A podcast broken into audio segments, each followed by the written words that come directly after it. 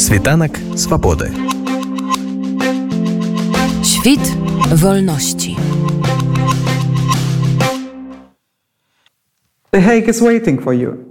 Гага чакае цябе. У жніўні 2020 года. гэта было адным з пасланняў якія пакінулі грамадзяне беларусі александру лукашэнку чалавеку які ўзурпаваў прэзідэнцкую пасаду ў беларусі на 6 паслядоўных тэрмінаў не перамогшы ані на адных выбарах сумленна. заўсёды праз фальсіфікацыі перапісванне канстытуцыі пераслед палітычнай апазіцыі і незалежных медыяў. Заключэнне ў турму па палітычных матывах гвалтоўныя знікненні і выгнанні паляванне нават забойствуем. Шостыя выбары запар скрадзеныя нахабней чым калі-небудзь дагэтуль сталі апошняй кропляй цярпення беларускага народа.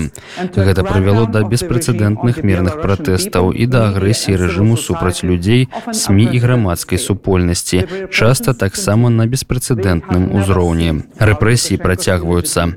Яны ніколі не сканчаліся падчас нелегітымнай улады лукашэнкі. Аднак адна рэч змянілася ў апошнія два гады. Лукашенко лукашенко адмовіўся ад сваіх ілжывых завярэнняў у беларускай нейтральнасці беларускі дыктатар вырашыў перайсці на ўзровень вышэй з унутранага тэрору да тэрору міжнароднага. Спачатку праз прымусовую пасадку рэйса райнр калі ён узяў у закладнікі больш за сотню грамадзян еўросаюза толькі дзеля таго каб схапіць і зламаць романа пратасевіча і софію сапегу. Потым мэтанакіравана спрабуючы стварыць нелагічны штучны нелегальны міграцыйны шлях у еўропу пачу падштурхоўваючы нерэгулярных мігрантаў да перамяшчэння ў ЕС праз літоўскую латвійскую ці польскую мяжу ствараючы з людзей зброю. Людзей якія заплацілі рэжыму каб дасягнуць абяцаных ім земляў якімі ніколі не былі літва Латвія ці Польшча. І ўрэшце рэшт лукашенко стаў саўдзельнікам у расійскім злачынстве агрэсіі і безлічы ваенных злачынстваў і злачынстваў супраць чалавечнасці здзейсненых ва ўкраіне. Працягваюць збірацца доказы таго што рэжым лукашэнкі і кампаніі якія ён кантралюе могуць таксама быць прычаснымі да дэпартацыі украінскіх дзяцей на тэрыторыю беларусі.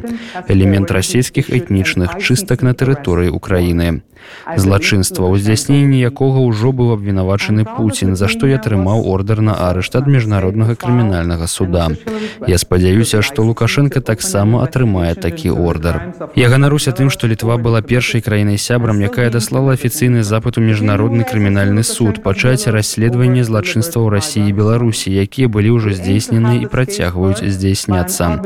Літва таксама падасць у суд на Беларусь под лукашэнкам за мэтанакіраваную кантрабанду нелегальных мігрантаў мы намагаемся каб гэтая справа была разгледжаная арбітражным судом альбо міжнародным судом. У нас дастаткова доказаў і мы будзем патрабаваць пакрыцця шкоды. У тым ліку за тое што ў 21 стагоддзі прыйшлося будаваць сцяну ў цэнтры Еўропы сцяну якую мы з задавальненнем разбурым калі людзі беларусі змогуць вызваліць сваю краіну і павярнуць яе да дэмакратыі і людзі ў беларусі патрабуюць нашай дапамогі і нашай увагі мірная рэвалюцыя 2000 2020 года яшчэ пакуль не перамагла. Гнеў, які мы адчувалі падчас жорсткага падаўлення пратэстаў, магчыма, цьмянее ў параўнанні з той бесчалавечнасцю, якую мы ўбачылі ва ўкраіне.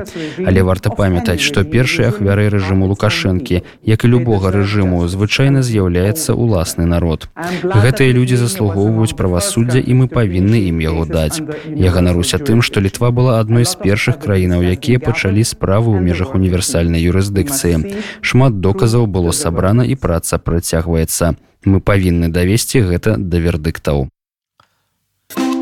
Світанак свабоды. Świt wolności.